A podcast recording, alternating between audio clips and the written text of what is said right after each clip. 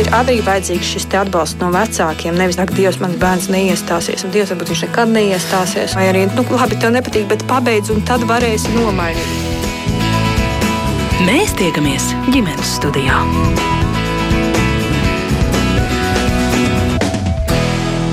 Labdien, klausītāji! Arvien biežāk jaunieši Eiropas Savienībā dod priekšroku iegūt universitātes grādu, nevis izvēlas tehniskāku profesionālo apmācību. Daudzās profesijās šī iemesla dēļ darba tirgu nespēja atrast darbiniekus. Kā ir Latvijā? Kāds profesionālās izglītības prestižs vai pieaug to jauniešu skaits, kuri pēc pamatskolas beigšanas turpina izglītoties profesionālajās skolās, nevis mācās vidusskolās, un vai profesionālo skolu absolventi ir mūsdienu prasības? Prasībām atbilstoši izglītots darba spēks, kuru patiešām ļoti, ļoti gaida darba devēji. Jautājumu šīs dienas tematam izvirzījusi raidījuma producente Liena Vimba, un es mērķis noteņa tos adresēšu studijas viesiem. Izglītības un zinātnes ministrijas profesionālās un pieaugušo izglītības departamenta direktorei Rūtai Gintautei Marīhinai. Labdien, ģimenes studijā! Dien. Pie mums arī Latvijas darba devēja konfederācijas izglītības un nodarbinātības eksperts, starp citu arī mans kolēģis Rihards Blese. Sveicināti! Un sveiciens arī Rīgas valsts tehnikuma karjeras izglītības centra vadītājai Solveigai Keisterei. Labdien! Labdien, jā, bet nu tā tad vispirms vēršos pie Rūtas no Izglītības un zinātnes ministrijas. Nereiz ir dzirdēts šis vēlamais vai vēlamā proporcija, tātad 50% jauniešu pēc pamatskolas beigšanas aiziet uz vidusskolu, bet otra puse tā tad uz š, iegūt profesionālo izglītību. Cik tuvu vai tālu mēs esam no šī mērķa? Jā, paldies par, par šīs uzmanības pievēršanu tieši profesionālas izglītības jautājumiem. Tā tendence pēdējos gados ir tāda, ka ka neskatoties uz šo demogrāfisko situāciju, kas nu, nav ļoti iepriecinoša, tomēr pakāpeniski pieaug šī jauniešu interese mācīties tieši profesionālā izglītībā pēc 9. klases. Un tie kopējie rādītāji, ja mēs raugamies uzreiz, tie, kas pēc 9. klases dodas mācīties, ir šobrīd gandrīz 39 pret 61, tātad par labu vispār izglītībai, bet tomēr ir, ir zināms pieaugums. Bet, ja mēs kopumā skatāmies, ir daļa jauniešu, kas arī pēc vispārējās vidusskolas absolvēšanas dodas mācīties profesionālā izglītībā, un tad kopumā šis rādītājs ir 41% īpatsvars profesionālā izglītībā. Bet kāpēc vajag? Kāpēc vajadzētu pietuvoties šim 50 pret 50? Uh, jā, tas jautājums ir no vienas puses vienkāršs, uh, no otras puses, nu, kā saka, ja paraugamies uz tautsēmniecības izaugsmu, uz darba tirgus vajadzībām, uh, mēs redzam, ka īpaši šajā te, uh, profesionālās vidējās izglītības posmā ir ļoti augsts uh, speciāls deficīts. Īpaši tās ir STEM jomas programmas, inženierzinātnes, uh, dabas zinātnes, informācija, komunikācija, tehnoloģijas. Pie tam arī mēs redzam, ka pakalpojumi pakalpojumu jomā arī pieaug šis vidēja līmeņa speciālistu iztrūkums. Un tāpēc ir ļoti svarīgi, ka jaunietis pēc 9. klases absolvēšanas tomēr izvēlas uzsākt ceļu profesionālās izglītības virzienā, kas vienlaikus dod iespēju apgūt gan profesiju, dažādu veidu profesijas. Mums ir pieejams šobrīd vairāk kā 200 dažādas profesionālas kvalifikācijas, un vienlaikus ir arī iespēja iegūt vispārējās vidējās izglītības sadaļu, un tādējādi ir arī nodrošināta šī, šī pieeja augstākai izglītībai. Darbdevēji arī šādos ieskatos, ka vajadzētu palielināt to jauniešu pulku, kuri dodas uz tām profesionālajām skolām. Jā, Darbdevēja konfederācija jau gadiem ir iestājusies par šo, un mēs arī priecājamies, ka um, kā mērķi šo ir izvirzījusi arī mūsu valsts. Tātad uz to mēs tiecamies. Un uh, šajā gadījumā tiešām pilnībā, pilnībā pievienojos uh, izējuma kolēģei um, attiecībā uz to, ka mūsu tautsveidzībai ir nepieciešami šie speciālisti. Tātad, uh, uh, skatoties uh, arī uz ekonomikas ministrijas sagatā, sagatavotajām vidēju un ilgtermiņa prognozēm, tad ir acīm redzami, ka mums šobrīd ļoti pietrūkst vidēja līmeņa speciālistu. Tas nav stāsts tikai par jaunām prasmēm un vēl neeksistējošām profesijām. Tas ir arī uh, tā ir arī nepieciešamība nodrošināt aizvietojošo darba spēku. Tātad nozarēs, kur vidējais vecums ir gan augsts, piemēram, tuvojas jau 50, 60 gadiem, kas nozīmē, ka ir nepieciešama jaunā maiņa. Un šajā gadījumā tas ir tiešām īpaši, īpaši būtiski STEM jomās, IKT jomā, bet nu, īpaši vēlos izcelt būvniecību, arī, arī to pašu um, transportu un loģistiku, kur, kur ir uh, liels iztrūkums, un tā mēs varam turpināt. Un tā labā ziņa ir tāda, ka nu, ar ar atsevišķiem izņēmumiem, kas, es domāju, arī varētu mainīties, mainot to izglītības saturu. Mums speciālisti ir nepieciešami principā visās jomās, profesionālajā, vidējā līmenī. Tātad, nu, principā, jūsu izvēle, lai, vai ko jūs izvēlētos, ja jūs būsiet cītīgs un ieinteresēts tajā, tajās mācībās, tad jums ir principā nodrošināts, nodrošināta, nodrošināta darba vieta. Un pie tam, ja mēs skatāmies arī uz statistiku, tad um, jaunietis, kurš pabeidzis uh, profesionālo izglītību, nu, droši vien ne tikai jaunieši, bet nu, tomēr vairumā gadījumu mūsu valstī jaunieši tie ir, kas ir pabeiguši šo video profesionālo izglītību, viņi saņem uh, algu, kas ir tuva vidējam uh, algu līmenim valstī, vai arī uh, virs un atsevišķos gadījumos pat ievērojami augstāk nekā vidējā valsts, uh, alga valstī.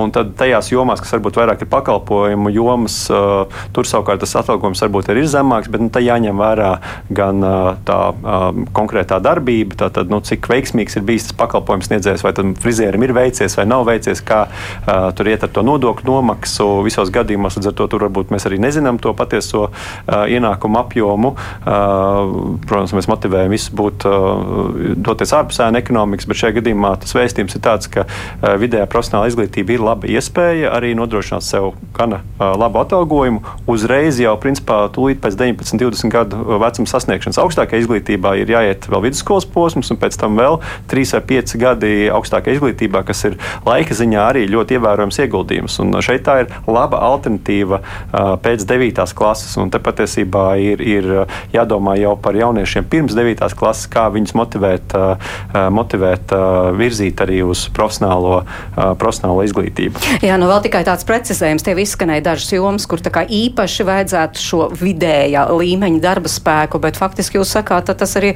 par visu spektru, visu, ko piedāvā šobrīd nu, visas profesijas apgūt, tas būtu vienlīdz Lielā mērā, svarīgi. Jā, un es, protams, vēlreiz uzsvēršu to, ka nu, ir jābūt arī mētiecīgam un, un apzinīgam uh, izglītojumam, nu, tātad, uh, lai nebūtu šis atbirums un lai būtu aktīvi iesaiste gan praksēs, gan arī darbvidē balstītās mācībās, gan visos pārējos procesos, kas nodrošina to pārēju uz uh, darba tirgu. Tā kā, nu, šeit, protams, arī jaunietim jābūt pašam gribošam arī, arī, arī kā saka, startēt darba tirgu. Tad es domāju, ka problēmām patiesi nevajadzētu būt. Rīgas valsts tehnikums tiešām tāda liela iestāde mācās 2,5 tūkstoši apmēram audzēkuņu. Ja? Ko jūs stāstat tiem, kuri nāk, interesējas jaunieši par iespēju pie jums mācīties? Par šo runājot, kuras tad ir profesijas pieprasītas, ko jūs ieteiktu? Es teiktu, 9. klašu skolēniem vairāk ir nevis nepieciešams šis stāstījums, bet redzēt un apskatīt iespējas, ko sniedz profesionālās skolas, tā skaitā arī Rīgas valsts tehnikums. Tāpēc mēs organizējam atvērto durvju dienas, meistardarbnīcas, dažādas izglītības izstādes. Un, uh, liels paldies vispār izglītojošo skolu karjeras konsultantu tīklam un visa, visiem vispār izglītojošo skolu audzinātājiem, kuri savus 9. klases skolēnus ved un iepazīstina ar uh, to, kāds ir šis plašais profesiju piedāvājums piedāvājums. Jo dažkārt um, uh, priekšstats par to, ko dara programmēšanas tehniķis vai datorsistēma tehniķis, uh, jauniešiem ir uh, krietni nu, tāds maz izprotams. Un tikai tad, kad viņi atnāk, redz dzīvē, aprunājas ar pedagogiem, satiek savus nu, gandrīz vienaudžus, tad viņiem veidojas izpratne par šo profesiju. Un, un tādā veidā varbūt arī ir labāk iespējams viņus novirzīt uz, uz vienu vai otru. Nu, bez šaubām tas notiek ar, arī ar vecāku atbalstu. Jā. Nu jā, bet vēl ko jūs stāstat, kā jūs viņus iedrošināt vai pārliecināt, ka tiešām profesionālā izglītība mūsdienās tā ir laba izvēle. Jūs teicāt, vislabāk, protams, aiziet pie jums paskatīties. Mēs to šobrīd nevaram izdarīt, bet ne, nu, tā nu, virtuāli. Jā, nu bez šaubām šie, šie visi veiksmes stāsti uh, gan no darba devēja, gan no mūsu absolventu puses, bet uh, viens no lielākajiem motivatoriem runājot ar jauniešiem, tieši tā kā pieminēja Rihards, ir tas, uh, ir iespēja kļūt ātrāk neatkarīgiem, ir iespēja ātrāk pelnīt. Ik viens jaunietis jaunietis, kurš izvēlas par labu profesionālu izglītībai, viņš vēlas ātrāk iegūt šo pieredzi. Viņš grib nonākt darba tirgu, viņš grib braukt ar savu auto un tērēt savu naudu un dzīvot eh, neatkarīgi no vecākiem. Un tā ir viņa iespēja, ja viņam šīs acis mirdz un viņš ir gatavs strādāt un uh, apgūt kādu no darba galdiem vai, vai kādu specialitāti, tad uh, tas ir tas, ko mēs varam viņiem piedāvāt. Tas ir tas, ko mēs viņiem stāstām. Bet vai tas nav īstermiņā, jo mēs šeit vienmēr stāstam, ka ilgtermiņā tomēr, ja skatās uz darba tirgu, tad tomēr lielākas iespējas un pēc tam lielāks atalgojums ir tiem, kuriem ir augstākā. Tas neizslēdz pēc tam iespēju doties uz augstskolu, jo mūsu absolventu uh, skaits ir uh, aptuveni ap 40%, kas pēc tehnikuma absolvēšanas dodas uz augstskolām. Un, un, uh, es domāju, tas ir ļoti liels uh, skaits, un, un uh, arī pēc tam pastrādājot, daudzi atgriežas, turpina vēl varbūt kaut kādu papildus kvalifikāciju vai izglītoties un, un dodas tālāk studēt. Tas neizslēdz. Mhm. Jā, jā, te, te, te jāpiemina arī tas, ka šobrīd arī nu, jaunie grozījumi, ko tā skaitā arī ļoti aktīvi virzīja darbdevēji, ir par tālāku izglītību, kas arī dod iespēju vēl tādā īsākā, kompaktākā formā. Un te arī mēs arī vēlētos šobrīd tieši top uh, attiecīgi noteikumi, uh, kas regulē to, cik garas būs tālā, šīs tālāk izglītības programmas un kas būs tur ietverts. Tad tas ir vēl viens ceļš, kā, saka, kā papildināt savas zināšanas, teiksim, augstākos līmeņos, varbūt uh, ne tikai dodoties uz augstāko izglītību, bet arī profesionāli tieši uh, kāpjot augšā pa trepītēm uh, un iegūstot, iegūstot jaunas kvalifikācijas. Bet atgriežoties pie tās izvēles pēc 9. klases, nu, lai nav tā, ka tikai mēs runājam par, par, par skaisto un pozitīvo, tad ir jāņem vērā tas, ka tomēr tas finansēšanas modelis, kur nu, nauda tādā vai citādā veidā tomēr sekotam skolēnam. Uh, un īpaši tagad, kad ir stingri nosacījumi par to, cik arī vispār izglītošās skolās ir jābūt skolēniem klasē, nu, tad jāatzīst arī neformāli runājot ar karjeras pedagogiem, visus cieņiem, kur tiešām arī novirza jauniešus uz uh, profesionālās izglītības iestādēm.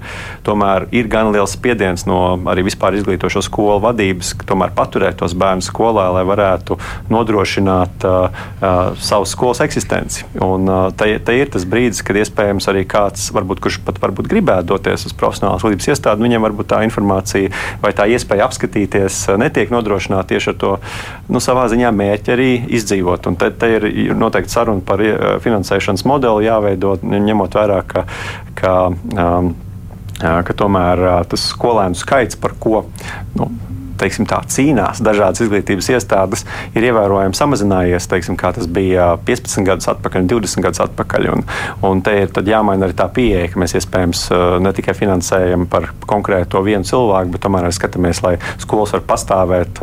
Īpaši, ja mēs runājam šeit arī par profesionālām skolām, nu, teiksim, par katru cenu nedabū, nevelkot iekšā kādu, kurš tikai spēj, kā saka, kustēties. Te ir svarīgi, svarīgi, svarīgi lai tiešām ir arī šī šī atlase, jo, kā jau kolēģi teica, īpaši tem jomā tas ir mīts, ka uz profesionālām izglītības iestādēm iet tie, kuri nespēja pavilkt matemātiku, ķīmiju.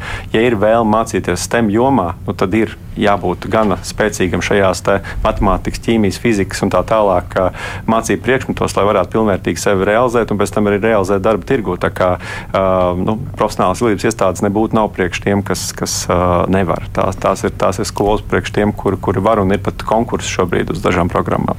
Nu, jā, par to ģimenes studiju pārliecinājās arī Rīgas Tehniskajā koledžā. Pirms raidījuma tur devos, parunājos ar jauniešiem, arī ar, ar viņu pedagogiem. Nu, lūk, viņu viņu redzējums, tie ir jaunieši, kur šogad beigs koledžu, viņu redzējums. Cik laba, cik kvalitatīva šī izglītība un kādas ir tālākās viņu perspektīvas klausāmies? Mani sauc Kristofers Neite. Es esmu augstuma tehnikas inženieris. Es nodarbojos ar augstuma iekārtām, augstuma sistēmām, principā jebko, kur ir vajadzīgs augstums. Šāda izvēle notika, jo man interesē inženiermehānika. Ļoti labi man padodas matemātika un fizika, kas ļoti nepieciešams mūsu profesijā. Protams, arī ļoti liels pieprasījums ir pašai profesijai. Ļoti daudz iespējas gan Latvijā, gan ārpus Latvijas strādāt, un ļoti attiecīgi arī alga. No vienas puses, man mazliet domās ir tāds, vajadzēja iet uz vidusskolu, kur tomēr ir tādas tradicionālās zināšanas vairāk, bet man liekas, ļoti labi iemācīties profesiju un zināt kaut ko un varēt kaut ko jau izdarīt, tik līdz kā tu esi pabeidzis skolu, jau būt spējīgs strādāt. Bet tās tradicionālās zināšanas, nu, jūsuprāt, tad apgūstat tādā pat līmenī, kā, piemēram, vidusskolā, vai tomēr nē? Nu, manuprāt, tomēr nē. Līmenis ir tāds, kāds viņš ir eh, gan jau arī visā valstī. Tas nevarētu būt kā šķērslis pēc tam, piemēram, domājot par augstāko izglītību. Ja tavs mērķis pēc tam ir augstāka izglītība un tu tam gatavojies visu laiku mācoties šeit, tad tā nav problēma. Bet es domāju, ka, ja tas nav īsti tavs mērķis, un tu vairāk pievērsi uzmanību darbam, vai praksē, vai kā, un, nu, tu vari arī neiemācīties šo to. Mani sauc Raimons Fenbergs. Es mācos e, uz elektrotehniku, enerģētiku. Es tagad arī izvēlos praksi. Es aizgāju pie vairākiem darba vadītājiem, nedaudz uzzināju. Man tagad e, arī grib pieņemt divos darbos. Bet es vēl domāšu, es meklēšu labāku darbu ar projektēšanu, ar inženieriku. Nu, jā, tieši darba alga ir pagaidām ļoti laba. Tur var attīstīties, tur var eh, pēc tam vairāk saņemt. Uh, un otrais ir, ka tur var arī mācīties, kad tu strādā, tu vari kļūt vēl labāk. Es arī jūtos kā profesionāls. Man viegli arī strādāt, kad es uh, varu runāt ar tiem, kuri jau strādā vairākus gadus vienā līmenī. Uh, Bet es arī cenšos, es arī skatos pats kaut ko visādos YouTube kanālos, mēģinu attīstīties šajā jomā, lai arī kļūst labāks un varbūt kaut kur varbūt strādāt pēc tam ārzemēs. Mani sauc Marks Elerts. Es mācos enerģētiku un elektrotehniku, vienkāršākiem vārdiem elektriķis. Kā jau minēja mans kolēģis, Darbs ir ļoti pieprasīts. Cik es esmu sastapies darba tirgū, pašam arī bijusi pieredze sadalījuma tīklās, nostrādājot praksi, strādājot tajā vidē, ir pietiekamas zināšanas, lai būtu vienādā līmenī ar cilvēkiem, kuri tajā strādā jau vairākus gadus. Neņemot vērā to, ka ir tikai teorētiskās zināšanas. Un mums ir tas teorētiskās tik ļoti augstā līmenī, ka mēs varam pielāgoties un kompensēt to trūkumu praktiskajām, kur es biju sastapies darba tirgu. Tā bija tieši mūsu skolas prakse sadalījuma tīklā. Man konkrēti tie bija divi mēneši, un tur es arī iegūtu to dzīves praksi. Un, tas jau arī skaitas nosacīt, ka tā lieta, ko piedāvā skola, jo es būtu mācījies vidusskolā. Tās praktiskās zināšanas es nebūtu iegūmis nekur citur. Vienīgais tas būtu reāli strādājot. Un pati zinātne, kā tāda enerģētika, man ļoti tuvu pie sirds. Tādēļ man galvenais principā būs augstskola. Es prioritizēšu labi nokārtot šeit visus eksāmenus, pabeigt kvalifikācijas praksi, kvalifikācijas eksāmenus, un lai būtu lielāka iespēja tikt budžeta augstskolā un tur atkal, teiksim, tā, turpināt sist līdz saviem mērķiem, un uh, lai pēc tam, kad es jau pabeigšu augstskolu, ka man būs diploms, kas mūsdienās, diemžēl, daudziem uh, nav. Es gribu to savā gadījumā bišķi izmainīt, jo, lai būtu gan tās zināšanas, gan tas praktiskais diploms, ko es varēšu pielietot, certifikāts. Mani sauc Henrijs Edgars, mācos 4. kursā par datorsistēmu tehniķi. Vienmēr ir bijusi patika par datoru komplektēšanu, saistīts visādas lietas, kas ir diagnostika, un vienmēr man ir paticis vērt vaļā dators, skatīties, kas viņiem ir, kā saka, vēderā. Un, es vienmēr esmu gribējis kaut ko attīstīties, lai zinātu vairāk. Pat pirms esmu iestājies, gribēju strādāt uh, datoru jomās, jau darbos, bet, uh, diemžēl, pamatskola tajā brīdī, un es kaut kā domāju par izklaidēm vairāk nekā par uh, darbu tajā momentā.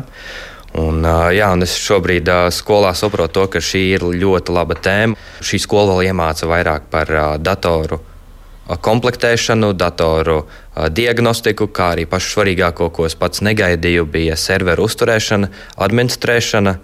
Un, manuprāt, šis nāk tikai labāk man, jo es spēju vairāk konkurēt darba tirgu nākotnē, kad es pēc skolas pabeigšanas potenciāli varētu strādāt. Un, jā, es, protams, vēl vēlos paralēli mācīties, vēlos iegūt augstāku izglītību, jo ar augstāku izglītību man pavērs vairāk darba iespējas un potenciālās algas arī iespējas nākotnē. Mani sauc Kristīna Elizabete Dikmana, un es mācos par loģistikas darbinieku. Profesijā ir ļoti daudz un dažādas plašas iespējas. Tas neaprobežojas ar noliktavas darbu, bet tas ir arī daudz vairāk. Es arī uzskatu, ka šī ir viena no tām retām profesijām, kur būs vienmēr nepieciešama, jo šajā profesijā vienmēr ir darbs. Respektīvi, cilvēkiem vienmēr vajag kādu, kurš palīdzēs noorganizēt, saorganizēt darbības, kā aizvest kaut ko no punkta A uz punktu B. Nu, kāpēc tomēr sabiedrībā profesionālā izglītība tomēr ir mazāk prestiža? Nekā, pieņemsim, tur turpināt izglītību vidusskolā. Manuprāt, tas ir tāpēc, ka ļoti daudz cilvēku uzskata, ka tieši tās vidusskolas zināšanas līmenis ir profesionālajā vidusskolā zemāks, taču es tā neteiktu. Es esmu veiksmīgi nokārtojis visus eksāmenus un arī šogad likšu padziļinātu eksāmenu angļu valodā, tā kā es neteiktu, ka profesionālā vidusskolā tas pedagoģu darbs un tas vispār līmenis ir zemāks nekā jebkurā citā. Jauniešu teikto papildina Rīgas Tehniskās koledžas studiju vadītāja Inta Klotiņa. Ja runā vispār par profesionālas izglītības prestižu, es domāju, ka viņš ar katru gadu, man liekas, tieši otrādi nevis pazeminās, bet tieši paaugstinās. Ja piesaistīt līdzekļi, lai labi iekārtotu laboratorijas darbnīcas, vispār mācību telpas un mācību materiālus, un līdz ar to tas ir liels atspaids. Protams, trūkst cilvēku resursu, tāpat tās ir dažādas problēmas ar kvalitatīvu, profesionāļu piesaisti mācību darbā, bet tas ir atkal cits jautājums. Nu, te izskanēja, piemēram, tās praktiskās zināšanas varbūt netik ļoti tiek iemācītas. Nē, tieši praktiskā ziņā tiek iemācīts ļoti labi. Vispār jau praktiķi mums ir. Un arī mūsdienu prasībām atbilstoši. Jā, ja? Tieši tā, mēs dzīvojam līdzi tām pārmaiņām, kādas mums ir sabiedrībā, ko mums prasa darba devēji. Bet pasakojat arī līdzi, kā tad jūsējiem veicas, tātad, piemēram, tie, kas pabeidz, visi dabū darbu? Jā, protams, mēs uzmanam savus absolventus un jāsaka, ka lielākā daļa tomēr strādā izvēlētajā profesijā bez darba ir ļoti reti, kurš. Un kā ar centralizēto eksāmenu rezultātiem? Neteikšu, ka viņi ir zemāki kā valstiski. Mēs tomēr turamies uz to vidējo. Un vienā otrā nācija priekšmetā pat tie rezultāti krietni augstāki. Tajā pašā angļu valodā mums katru gadu ir ļoti augsts rezultāti - 90%. Matemātikā? Matemātikā jāsaka, tur ir vidēji. Tāpēc, kad jaunieši ir dažādi, Mēs nevaram, protams, konkurēt ar gimnāzijām, kuriem tas ir ļoti liels stundu skaits matemātikā un ļoti dažāds šis kontingents ir, bet nu savu 50% būs, jā, 60%. Un cik tad no jūsējiem aiziet un tiešām izvēlas studēt? kad 60% aiziet. Bet tas var būt ne uzreiz tajā gadā, viņi var aiziet nākamajā gadā, var aiziet pēc pieciem gadiem, bet viņi turpina izglītību.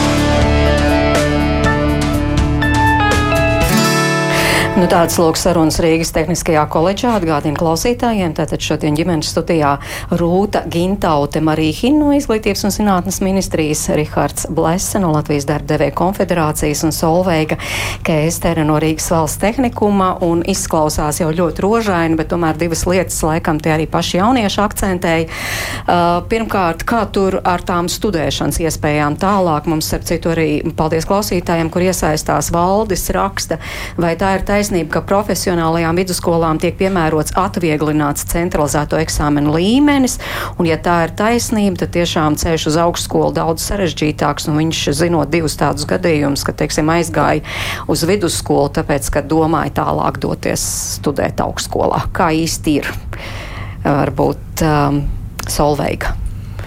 Nu, es, es nepiekrītu noteikti šim Nu, jūs domājat, ka izvēles uh, ne par centralizētajiem eksāmeniem, vai, te, piemēram, vai, vai tas nozīmē, ka šie jaunieši, nu, skatāmies kopumā, ne tikai uz Rīgas Tehnisko koledžu, sliktāk nokārto centralizētos eksāmenus nekā tie, kas mācījušies vidusskolā. Līdz ar to viņiem grūtāk iekļūt augstskolā. Bet līdzīgi visā valstī, kā, kā tehniskajā koledžā, es, es noteikti pievienojos uh, mācību pārzinē. Rūta? Jā, jā tiešām? es gribētu teikt, ka tas nav saistīts uh, ar to, vai tā ir profesionālā vidusskola, koledža tehnikums vai arī vispārējā vidusskola. Uh, šie rādītāji kopumā droši vien, kad varijē par, par nu, tie, tām teiksim, jauniešu, jauniešu vidē, teiksim, ir viduvēji, un viņi, diemžēl, pēdējo gadu laikā šie rādītāji un tie rezultāti samazinās, īpaši matemātikas zināšanas, bet es gribētu teikt, ka tas jau, nu, kā saka, sekas ir šī, šis pamat izglītības posms,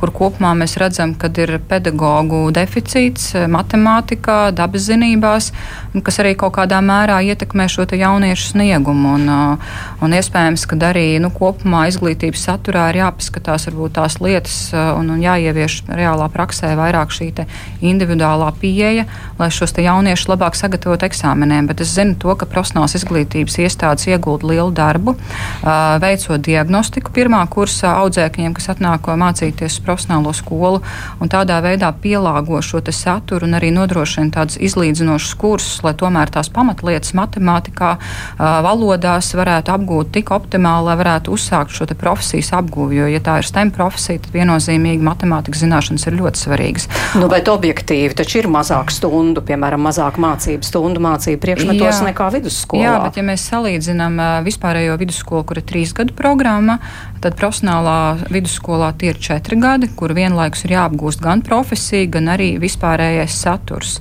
Uh, un uh, būtībā šiem jauniešiem ir dubults sloks, ja, jo profesijā nav nekādu atlaižu, nav nekāda zemāka procenti. Lai iegūtu profesionālo kvalifikāciju, ir jānokārto kā minimums 60% un jāiegūst uh, vērtējums 5, kas ir nu, viduvēji, lai vispār varētu iegūt šo diplomu vai profesionālās kvalifikācijas apliecību. Rihard, kaut kas ir sakāms vēl par šo izglītību, vai arī jūs kā darba devēja pārstāvs vairāk par to otru jautājumu, par ko arī jaunieši runāja, par prakses iespējām. Nu, te, piemēram, viens jaunietis teica, vienīgā iespēja bija tātad ceturtajā kursā divas mēnešus aiziet pie darba devēja praksē, un tas arī viss. Jā, nu, šajā gadījumā par, par praksēm ir, ir vairāk, vairākas tēmas, ko es gribētu noteikti no savas puses uzsvērt. Uh, nu, pirmkārt, mēs uzskatām, ka praksa un darbvidē balstītas mācības, tad šīs abas divi, abi divi veidi ir vislabākais veids, kā tiešām to uh, sa, sasaist ar nozari panākt. Tātad, tas ir arī lielisks veids, kā nodrošināt to, ka jaunieši arī uzsāk savas darba attiecības tieši Latvijā, jo uh, tā, ļoti bieži uh, šis prakses vai darbvidē balstīta mācību mācību nodrošinātājs arī kļūst par pirmo darba vietu. Un, te savukārt mēs tieši šobrīd esam vērsušies gan pie izglītības zinātnes ministrijas, gan arī pie finanšu ministrijas ar um, aicinājumu tātad. Um, ar, ar aicinājumu iedzīvotāju ienākumu nodokļu atvieglojumu palielināt uh, par darba devēja izmaksām stipendijām, uh, kas ir tieši audzēkņiem un, un kas, kas attiecīgi ir šajās praksēs un darbvidē balstītās mācībās. Šobrīd šāda iespēja ir tiem, kas ir darbvidē balstītās mācībās, bet, nu, diemžēl, projekts beidzas un līdz ar to, kas to finansiāli nodrošināja, tātad kopumā nu, tātad šo darbvidē balstītu mācību procesu tur beidzas, līdz ar to tas apjoms diemžēl, visdrīzāk samazināsies, kas dodas, tad mēs arī vēlētos, lai praksēs ir tieši tāda pati iespēja profesionālajā vidējā izglītībā un arī palielināt šo apjomu, jo iepriekš tas bija noteikti 16. gadā, un tas bija tuvs minimālajai algai, kas ir kas 16. gadā bija skaidrs, ka inflācija ir bijusi ļoti liela un arī minimāla alga ir ievērojami cēlusies. Un, un, un, mēs esam saņēmuši pozitīvu signālu no Finanšu ministrijas, ka, ka varētu būt šis palielinājums. Mēs to gribētu sasaistīt ar šo minimālo algu augstākās izglītības gadījumā, kur vispār šāda iespēja nav. Mēs gribam, lai tas ir uh, pusotra minimālā alga uh, arī gan, gan praksē, gan darbvidē balstītās mācībās. Kā šis ir viena iniciatīva, kas mums ir ļoti būtiska. Un, es jau pieminēju arī darbvidē balstītas mācības. Līdz šim šo te, projektu, kas bija finansēts no Eiropas Savienības, mēs, mēs iznojam tieši darbdevēja konfederācija. Tas bija ļoti veiksmīgs piemērs. Tas vidējais gan atalgojuma līmenis, gan arī nodarbinātības līmenis ir, ir augsts pēc šo mācību pabeigšanas. Tas, ir, tas tikai apliecina to, ka sadarbība ar darba devēju mācību laikā ir tā veiksmes atslēga. Nu, kurš gan nesapņo par lielu algu, bet lai pie tās lielās algas tiktu, nu, tur tomēr ir kārtīgi jāiemācās profesija. Nu, to laikam var tomēr iemācīties tikai praktiski darot. Jā, un, un te ir tā lieliskā iespēja, un darba devēja to arī uzsver, ka tā zināmā mērā ir iespēja to audzēkni veidot arī pēc uh, savām vajadzībām. Jo skaidrs, ka ir teorija, kas ir jāapgūst, bet uh, tā ir jāpielieto praksē ar dažādām ierīcēm. Piemēram, vienam ir viena ražotāja um, ierīce, otram ir cita, un, un skaidrs, ka tur specifika var nedaudz atšķirties. Un tad šajā praksē vai darbvidē balstītās mācībās šis jaunietis strādā ar konkrēto tehnoloģiju, kas arī pēc tam darbdevējiem būs noderīgi. Mm -hmm. Solveiga, Rīgas valsts tehnikumā, kā ir ar tām praksēm, ar tieši un tiešām iespēju praktiski jā. mācīties jā, amatu? Svarīgs ir šis no otras puses prakses vadītājs. Arī tas, cik ar lielu atdevi un teiksim, to vēlmi, jo uzņēmējiem primāri ir pelnīt. Un, lai tas būtu ātri un produkts būtu gatavs, audzēkņi atnāktu ar mirdzošām acīm un ar brīnišķīgu attieksmi, bet dažkārt no otras puses darba devējiem varbūt nav pietiekami daudz laika, lai veltītu šim jaunietim, paskaidrojot, jo praktiski viņš varbūt ir mācījies apgūt uz vienas iekārtas, un te pēkšņi uzņēmumā viņš ierauga pavisam citu specifikāciju. Bet lielākoties saslēdzoties šai, šim pareizajam prakses vadītājam, un kas iedvesmo jaunieti, viņi paliek ne tikai strādāt, viņi jau izlaidumā saņem līgumus noslēdz un darba devēja nāk viņus sveikt. Es teiktu, ka praksa tas ir pamatu pamats profesionālai izglītībai. Nu, protams, situācijas ļoti dažādas, un ģimenes studijas sazinājās ar kādu darba devēju. Viņš gan negribēja atklāt savu vārdu, gribēja palikt anonīms, bet nu, lūk, viņam tāda rūkta pieredze klausāmies servis jau pastāv 12. gadu. Un visu laiku tāds neliels darbinieku trūkums. Un tā cerība visu laiku ir paņemt kāds students, varbūt apmācīt, pastīties, kāds viņš ir apmācīts ar domu, ka viņš paliks strādāt pie mums. Nu, viņš šim tā nav noticis. Nu, vienmēr ir bijis tā, ka laimīgi esam tikuši vaļā un priecīgi, ka viņš projām nāks. Nevis, ka viņš paliek strādāt. Tāpēc, ka nu, tā praksa viņiem ir, laikam, ceturtais kurs. Pēdējais bija students, laikam, tieši apmēram pirms gada pagājušā rudenī kaut kas bija. Viņiem tā pašapziņa ir kā mūra māja, bet uh, realitātē viņi nu, dažs ir tāds, kurš pat atklājas neatšķir. Viņš pat skrūves nevar atskrūvēt. Nu, pat uzticēt kaut kādu darbu, kur būtu ritošā daļa jāskrūvē un nu, atstāt viņu vienkārši, lai viņš izdara tā ir nāvis cilpa vispār tur klients palaists, tiek vispār nezināmu iznākumus, kāds tur vispār būs pēc tam. Ne, nu, varbūt jau, ka viņus sagatavojas. Es tā domāju, ka tā, tā arī ir visticamāk. Vienkārši varbūt ir kaut kāds procents no tā kursa tiem dalībniekiem, kuri to visu nemācās, vai viņiem šķiet, ka viņi visu zina jau. Varbūt tāds arī ir. Es nezinu, kur tur ir problēma. Bet nu, tā tie kadri, kas mums ir bijuši, ir ļoti, ļoti traki. Mēs labprāt eh, veltītu viņam vēl pusgadu, lai viņš vispār būtu pastāvīgs un varētu strādāt bez pieskatīšanas. Bet uh, tur, ieguldot divus mēnešus, kad viņš ir pastrādājis, tu saproti, ka viņam nav jēgas ieguldīt. Jo viņš uh, pēc tiem diviem mēnešiem pirmkārt viņš neklausās, viņš runā pretī, jo viņam šķiet, ka viņš zina visu un viņam viss pienākās. Un, un no kļūdām nemācās. Viņš neņem pretī to, ko tu viņam māci. Man kolēģis izmācīja arī konkrēti šo skolu. Nu, viņš jau teica, ka tur viss ir kā māca, bet vai tu ņem pretī? Ja, nu, tas bija pirms jau 15 gadiem, kad viņš tur mācījās. Viņš to visu jau tur labi mācīja tajā brīdī. Es nezinu, kā tagad tur tā kvalitāte. Bet vai cilvēks ņem pretī to, ko viņam grib iedot, nu, tas ir cits jautājums. Un, no tādi pēc tam tiek izlaisti no tās skolas ārā. Nezinu, vai viņiem Viņiem kaut kas interesē tikai statistika, cik ir pabeiguši un cik iestājušies. Tie ceturtkursnieki, kas pie mums ir bijuši, nav daudz.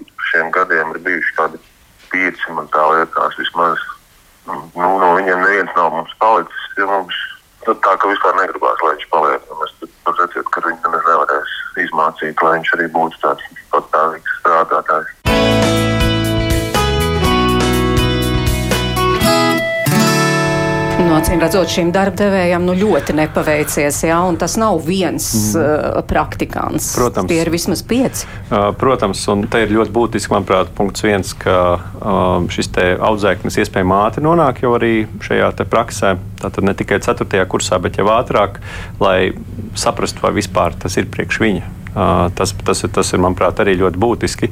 Otra lieta, mēs no Darbdevēja konfederācijas esam rosinājuši, ka tieši eksaminācijas procesam ir vairāk jābūt nozares rokās. Līdz ar to nozare ir tā, kas izlemj, vai to kvalifikāciju tam cilvēkam vispār var piešķirt. Nu, piemēram, ja pieminētais, pieminētais visticamāk autoservis. Autoservis īpašnieks tas jā, bija, jā, ja tas būtu, bija automehāniķis jā, topošais. Jā, ja, viņš, ja viņš jā. būtu eksaminācijas komisijā un redzētu šādu iznākumu, es domāju, ka viņš noteikti nedotu šo kvalifikāciju, līdz ar to konkrētais cilvēks nenonāk darba tirgu. Un, uh, tas arī ir būtiski. Skaidrs, ka ir jā, jā, jākontrolē kvalitāte un, un darba tirgu nedrīkst nonākt cilvēki, kuriem ir neatbilstošs sagatavotības līmenis. Un, uh, ja mēs runājam par kvalitāti, tad, protams, ir daži dažādi aspekti, gan materiāla tehniskā bāze, gan vēl kas cits, kas, kas noteikti uzlabojas.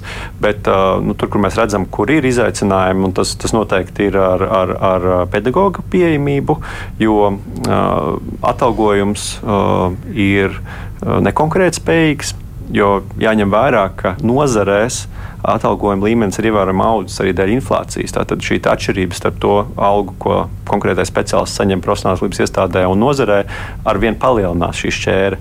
Un, uh, tas nozīmē, ka arī ļoti labi pedagoģi tiek pārvilināti uz nozari, um, vai arī viņi izšķirās par to, ka viņi atstāja darbu skolā un dodas uz nozari. Tā droši vien būtu pat precīzāk teikt. Un, um, Uh, un otrs ir nu, tā, tā kā cilvēks nav konkurētspējīgs, ir arī maza motivācija cilvēkiem apvienot darbu nozarē ar, ar uh, darbu arī profesionālās izglītības iestādē. Un, līdz ar to uh, nevienmēr visi pedagoģi, kas ir profesionālās izglītības iestādēs, ir ar to praktisko pieredzi, ar, to, ar tām zināšanām, kas šobrīd tieši nozarē ir visaktuālākais. Un, un, un tāpēc varbūt es šeit nerunāju par atslēgu atpazīšanu, bet, bet teiksim, jau par detalizētākām lietām varbūt tur tiešām kādreiz ir kāda vilšanās un ir nepieciešams ilgāks laiks, lai, lai adaptētos. Tā kā nu, šeit ir arī stāsts protams, par finansēšanu, lai, lai ir pietiekams, pie, pietiekams atalgojums arī, arī pedagogiem un lai jaunie speciālisti izvēlētos arī turpināt savu dzīvi saistīt tieši ar, ar pedagoģisko darbu profesionālās līdzības iestādēs. Solveig, kā jūs vēl paturpināt šo stāstu, skatoties no Rīgas valsts tehnikuma puses, teiktu, jo jūs jau arī apmācat šādus speciālistus, vai ne? Uzsvēru šo, šo kopdarba nepieciešamību, jo uh, tev tika minēts divi mēneši un es saprotu, ka viņā nav vērts ieguldīt. Bez šaubām mēs, mēs vēlamies, lai tas notiktu ātri, bet dažkārt arī pirmajā kursā atnākot pie mums jaunieši, vai pieci vai desmit, ne visiem ir tā, ka uzreiz Ne, ne visiem mums ir vienāds temps, un, un uh, šīs pedagoģiskās nepieciešamās prasmes un metodes var būt dažādošana šajā uzņēmumā, uh, varētu būt tas nu, pamats, lai viņiem tomēr izdotos kādu noturēt. E, bet darba devējs stāstīja par tiem, kuri ir 4. kursā. Tie visi, kas ir nākuši, ir nevis pirmkursnieki, bet ceturtkursnieki. Vai tā varētu būt, ka izējot no skolas vispār atslēgas neizšķir kaut arī mācās par automehāniķi? Tā varētu, tā drīkstētu būt. Tā nedrīkstētu būt. Mhm. Jā, es, Jā, izglītības zinātnes ministrija. Es pilnībā pievienojos, ka tā noteikti nedrīkstētu būt. Es gribu pateikt, ka šajā gadā mums ir stājušies spēkā jauni ministru kabineta noteikumi arī gan par uzņemšanu, gan par atskaitīšanu, gan par pārcelšanu. Nākamajā kursā, ja šis izglītojums tomēr nespēja atbilstoši apgūt programmu profesionālos moduļus, viņi noteikti nevar ar nesekmīgiem vērtējumiem pārcelt uz nākamo gadu risinājums ir vai nu jāpaliek uz otro gadu un tad jāizmācās to, ko tu neesi izdarījis, vai nu tomēr ir jāmaina profesija un jāiet tālāk tajā virzienā, nu, ko šis cilvēks spēja. Mums, mēs esam arī ieviesuši tā saucamos elastīgos mehānismus, kas nu, var palīdzēt novērtēt šī izglītojumā snieguma atbilstoši tam sasniegtam līmenim, nu, lai mākslīgi skola tomēr nepiešķir šo kvalifikāciju vai, vai kā saka, mākslīgi nepaukstina vērtējumu, lai iespējams, kad pabeidzot ar zemāku kvalifikāciju vai ar kvalifikācijas daļu šis te, nu, jaunietis aiziet nu, teiksim, kaut kur strādāt, kaut kādus vienkāršos darbus, to, ko viņš tiešām objektīvi ir apguvis. Ja?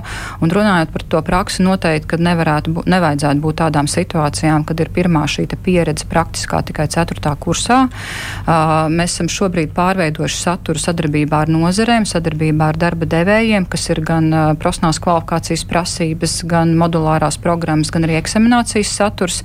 Un agrīni uh, ir iespēja jau labi aprīkotās darbnīcās, laboratorijās apgūt pamatus uh, profesionālās izglītības iestādē, un pēc tam jau agrīni arī doties kaut kādu īso moduli, praktisko daļu, piemēram, otrā kursā jau apgūt uzņēmumā.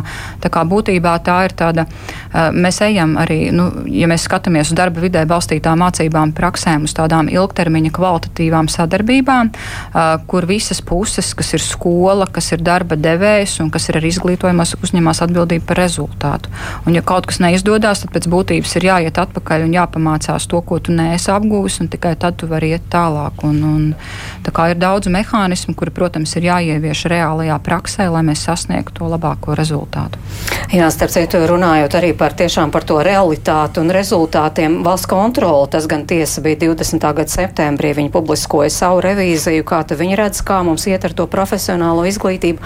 Un, un tur tie secinājumi bija arī dažādi, un viens tomēr, jā, ka tomēr jaunieši, ka tas prestižs nav pietiekami augsts, par ko mēs arī runājām, ka tomēr jaunieši joprojām dod priekšroku vidusskolai, nevis profesionālai izglītībai. Tad vēl viens secinājums bija, ka nu, tas ir satraucoši, ka viena trešdaļa no izglītojamiem nepabeidz uzsākt to tā, tad, uh, profesionālās izglītības uh, programmu un uh, nu, kaut kur, nezinu, kur viņi paliek. Mm -hmm. Un tad bija vēl tāds secinājums, jā, ka tad. tad Tur tikai uh, 23%, nu tā vismaz tie revidenti bija konstatējuši, uh, aiziet tiešām strādāt tajā profesijā, ko viņi ir izvēlējušies. Mm -hmm. It kā mhm. tur viņi teica, izglītības zinātnes ministrijas dati 55%, bet realitātē nu, to, tā tomēr ir ļoti maza daļa, mm -hmm. mazāk nekā trešdaļa. Es saku, tas ir 20. Jā. gads, trīs gadi ir pagājuši, mm -hmm. iespējams, ka tad, tad daudz kas jau ir atrisināts. Uh, jā, es gribu teikt, ka, protams, ka šī revīzija nāca ar, ar saviem šiem ieteikumiem, secinājumiem, un uh, daudz lietas ir arī mainījušās. Šobrīd mums ir faktiski ievies šis profesionāls izglītības absolventu monitorings, un mēs labāk redzam arī gan šos tālākās izglītības turpināšanas, gan nodarbinātības rādītājus, gan arī to, kā mainās šī te, šīs te atlīdzības, ja, kad ir profesionālā izglītībā, kāds ir tas atalgojums, ja, ka tas tomēr ir kon gan konkurētspējīgs. Bet jā, attiecībā uz šo atbirumu mēs to risinam ar pēdējiem šiem grozījumiem profesionālās izglītības likumā, ka mēs tomēr mākslīgi neturam izglītojumu skolu solā visus četrus gadus, bet tomēr mēģinam viņu novērstēt, novērtēt atbilstoši sasniegtajam, tādējādi netērējot arī valsts līdzekļus, varbūt dodot iespēju pēc tam vēlākos posmos atsākt mācības tiem, kas jau kaut kādu motivāciju guvuši, varbūt darba pieredzi pamācījušies un sapro, sapratuši, ko viņi īsti vēlās. Bet, ja mēs kopumā skatāmies, tad katru gadu profesionāla izglītībā mācības uzsāk vairāk 9000 jaunieši, bet absolvē aptuveni 7000. Es domāju, ka šis atbirums nu, viņam kaut kādā mērā ir jābūt, varbūt ne tik lielam, jo mēs to arī vēlamies risināt ar to, ka tomēr varēs saņemt šo kvalifikācijas daļas apliecinošo dokumentu vai zemāku līmeņu kvalifikāciju. Vai, ja nu akurāti ir agrīni pamestas mācības, tad var arī saņemt apliecību par moduļu apguvi, kas tomēr arī apliecina kaut kādu konkrētu prasmu apguvi, nu tādu mikrokvalifikācijas pieeju mēs ieviešam. Ja? Mm -hmm. Tad runājot par šiem nodarbinātības rādītājiem, es gribu pateikt, ka mums kopumā tā vidējā nodarbinātība salīdzināmā Baltijas valstīs un Eiropā ir gana laba, tie ir ap 60-65%. Pie tam es domāju, ka to, ko valsts kontrola teica par šo te nodarbinātību tieši tajā nozarē, man šķiet, ka par profesionāls vidējās izglītības posmu nevar pateikt, ka tev tieši tajā nu, konkrētā profesijā, kur tu vidējā posmā esi mācījies, ka tev ir jāturpina studijas vai jāstrādā arī tālāk turpmākajā dzīvē. Jo būtībā šī vidējā posma kvalifikācija vai apgūtā nozare var papildināt uh, to, to karjeras pieredzi, dzīves, dzīves pieredzi un sniegt arī pienesumu. Nu, kaut vai, piemēram, apgūstot pavāru profesiju, profesionālā vidējā posmā, pēc tam aizejot mācīties uzņēmē darbībā, iespējams, ka pat labāks speciālists gala rezultātā sanāk. Ja? Jā. Tā Jā, tā. Bet tā, tas monitorings ir stājies spēkā un jau tiešām būs uh, arī tagad ērtāk izsekot, kā un Jā, kā tieši tā, jo iepriekš notiek. mums bija tikai tāda rezultāti, kas balstījās uz aptaujām, tad šobrīd mēs jau redzam, sākot ar 18. gadu, par 18., 19., 20. gada absolventiem tās gaitas, un pie tam šīs viņu gaitas tiek, kā saka, sekotas līdzi. Mums ir plāns, ka par katru šo gadu mēs redzēsim rādītājs par desmit gadiem, un šobrīd jau par 18. gada absolventiem ir par trīs gadiem jau faktiski dati pieejami. Jā, nu lūk, mums klausīt klausītāji, es gribu arī ieskatīties un īsi pacitēt. Normūns raksta vidusskola pilnīgi bezjēdzīga laika un līdzekļu tērēšana. Cilvēks ar vidusskolas diplomu nav derīgs darba tirgumu, ļoti bieži nav derīgs arī augstskolai. Nu, tāds vismaz ir viņa redzējums. Agnes mums raksta, man kā cilvēkam parastajam ir nesaprotami, kāpēc visiem vajag universitāti pabeidz un pēc tam mokās nevar atrast uh, iedomāto darbu un gaidīto algu un tā tālāk, bet parastajā dzīvē nevar atrast kvalificētu elektriķi, santehniķi, galdnieku un tam līdzīgi. Un tāda profesija pratēji pelna lielu naudu. Cilvēki gatavi viņiem maksāt, cik prasa, lai sakārtot elektrību, ūdensvadus, kanalizāciju, ko mēs, protams, visi zinām no savas pieredzes. Te arī, piemēram, Gaidis mums raksta, Jūgla ir dizainera skola, no kuras neviens beidzējs nestrādā par dizaineru, un tādas budžeta grupas, kuras beidzēji nestrādā, par ko mācījušies, ir papilnam. Nu, tāds ir viņa redzējums. Ivo mums raksta, ka vispār Latvijas izglītības sistēma šķībiem pamatiem to pašu var teikt arī par profesionālo uh, iz, izglītību un tā tad jūta. Uh, ka, diemžēl, video profesionāla izglītības dokumenti nesaprot. Tātad pie mums doto ne Eiropā, ne pasaulē. Nu, tā gluži nav, bet, ja drīkst, es varbūt pateikšu to, to ko attiecībā par profesionālu izglītību, kad, ja mēs raugamies vēl uz nākamo posmu, kas ir koledžas izglītība, ja īsā ciklā augstākā profesionāla izglītība, tad tur ir vēl labāki šie te, um, atalgojuma rādītāji, ja, nu, gan arī iespējas tālāk, un šeit speciālisti ir ļoti pieprasīti darba tirgu, un faktiski, ko mēs redzam tādā tuvākā termiņā, kas ir jātīst un ko jau mums normatīvais regulējums atļauj, tā ir šī pieaugušo, ja profesionālās tālāk izglītības un pilnveids izglītības attīstība, tās pieejamības attīstība e, īpaši tajās nozarēs un profesijās, kur ir augsts šis darba, darba spēka iztrūkums. Ja? Un mēs šobrīd strādājam pie profesionālās tālāk izglītības un pilnveidu standarta izstrādes, un arī ir atvērta tā saucamā šī profesionālās kvalifikācijas iegūšana augstākās pakāpēs, kas ir jau piektais līmenis, saucamais koledžas līmenis, kur varbūt tajā izglītības procesā nevarēs iegūt augstāko izglītību, bet varēs iegūt uh, profesionālo tālāk izglītību kā kvalifikācija, kas ir ļoti, ļoti svarīga darba tirgumam. Viss sakārtots, Rihards. Es domāju, ka uh, līdz ar profesionālās līdzības likuma grozījumiem, kas bija pagājušo gadu, protams, sistēma ir ievērojami uzlabota, bet skaidrs, ka ir tikpat daudz darba būs jāiegūt, lai ieviestu tās visas izmaiņas, jo tas nu, notiek uh, nu, varbūt pat lēnāk nekā darba devēji gribētu, bet nu, svarīgi, lai tas arī notiek pamatīgi. Un tad tiešām uh, tas prestižs ir, ir jāceļ. Tātad viens ir finansēšanas modelis, kur gan šobrīd gribas īsti no valdības puses līdz galam nav bijis, tātad arī palielināt kopējo finansējumu finansējumu un mainīt šo finansēšanas modeli. Um, ir uh, jāpalielina darba devēja iesaist ar vienu dažādos procesos, gan eksaminācijā, gan arī nu, nu prakšu nodrošināšanā un tā tālāk. Arī pedagoģiskajā darbā, ko jau minēju, ir arī uh, darba devējiem un asociācijām īpaši liela nozīme, lai mācītu pedagogus uh, un, un, par, uh, un stāstītu par jaunāko nozarē. Tāpat ir ļoti svarīgi, lai jaunieši nāk sagatavot, nu, piemēram, jau ilgu laiku ministra kabinetā guļ uh, noteikumi par tehnisko tehnisko jaunradi, tātad 20% vismaz atvēlēt no kopējās interešu izglītības finansējuma tieši STEM jomai, kas ir absolūti nepieciešama. Mm -hmm. Tas mhm. līdz galam nav pieņemts. Tā kā šeit arī noteikti ir iespējas, kur, kur, kur pilnveidot un, un, un tā tālāk. Tā kā šeit ir sadarbība noteikti ir būtiska un, un jau pieminēju kaut vai tāds mazs sīkums, kā iespēja maksāt stipendiju lielāku, neapliekot to ar iedzīvotāju ienākumu nodokli. Tāda elementāra lieta, kas ir pašsaprotama, lai būtu motivācija gan tam jaunietim aktīvi darboties, gan arī darba devējiem to, to, to samaksāt. Kā, nu, šeit ir, ir, ir daudz lietas, pie kurām vēl jāstrādā. Bet par tiem dizaineriem, ko te arī klausītājs teica, tur ir pārprodukcija. Jā, tiešām grūti um, atrast um, nu, ja mēs uh, skatāmies uz darba uh, tirgu. Humanitāro un mākslas uh, joma ir tā vie, viena no tām retajām, kur varētu būt arī pārprodukcija, bet tas nozīmē tikai vienu, ka ja cilvēks ir izvēlējies uh, mācīties šo jomu, tad viņam jārēķinās ar to, ka konkurence būs īpaši augsta un ir jābūt īpaši motivētam, lai spētu konkurēt. Jo labi speciālisti jebkurā jomā ir labi atalgoti, bet uh, vienkārši izvēlēties to, kas, to, kas uh, varbūt patīk, bet nav īpaši vēlme konkurēt, nu, tad ir skaidrs, ka šeit, tur, kur pārprodukcija ir, tur tiem, kas būs, uh, tiem, kas būs vājāki, nu, viņiem tas darba tirgus var arī, viņiem var arī neizdoties atrast augstu atalgotu pozīciju. Tā, kā, tā ir mhm. realitāte. Jā. Jā, nu, Solveig, nobeidzot mūsu sarunu, mēs sākām ar to, ka tomēr tā proporcija nav tuvu, ne tuvu tam vēlamajam, ka 50 80% aiziet un uzticas un notic, ka tiešām tajās profesionālajās skolās varēs iegūt kvalitatīvu izglītību, ka viņi būs vajadzīgi darba tirgumu, ka viņi varēs pēc tam arī mācīties augstskolās, ja gribētu.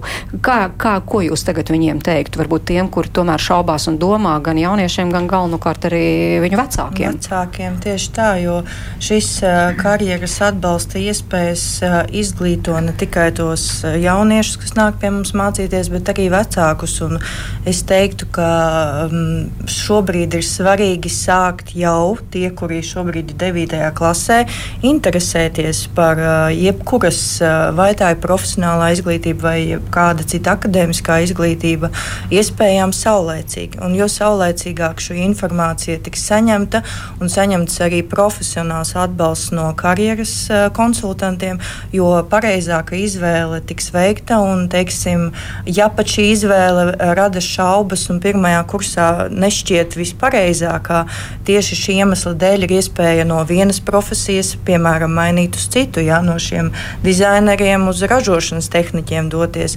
Un tieši tāpēc ir ļoti svarīgs šis profesionāļu atbalsts. Bet ir iespēja arī pārliecināties par katras konkrētās skolas izglītības kvalitātes piedāvājumu. Nu, piemēram, par vidusskolām ir reitingi tādi, reitingi šitādi, un mums apmēram ir skaidrs, kurā skolā ko piedāvā. Par, par profesionālajām skolām. Noteikti jājautā.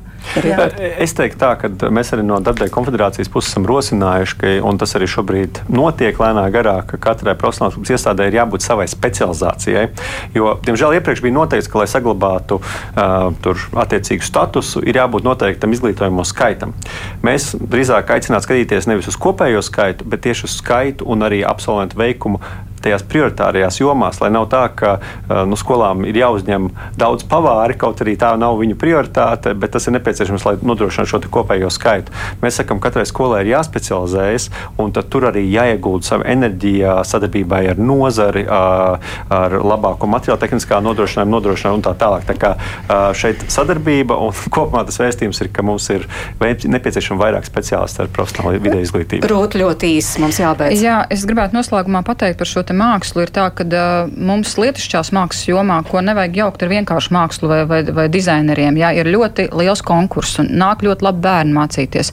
Un patiesībā tur ir virkni profesija, kas ir ļoti saistīts ar informāciju, komunikāciju tehnoloģijām, un kuras noteikti vajag saglabāt un kuras vajag arī atbalstīt. Un tur arī ir labi nodarbinātības rezultāti un tālākie studiju šie rādītāji.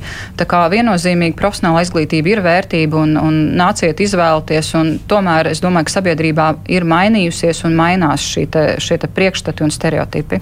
Paldies Rūtai Gintautei Marīhinē no Izglītības zinātnes ministra ministrijas, Solveigai Keisterē no Rīgas valsts tehnikuma un arī Rihardam Blesem no Latvijas darba devēja konfederācijas rēdījuma producenta Liena Vimba. Es mērķis notiņu pie mikrofona un aicinām uz tikšanos rīt 5 minūtes pār diviem. Mēs runāsim par labo darbu nedēļu. Oktobrī tāda ir izcināsies, organizē uh, biedrība palīdzēsim LV.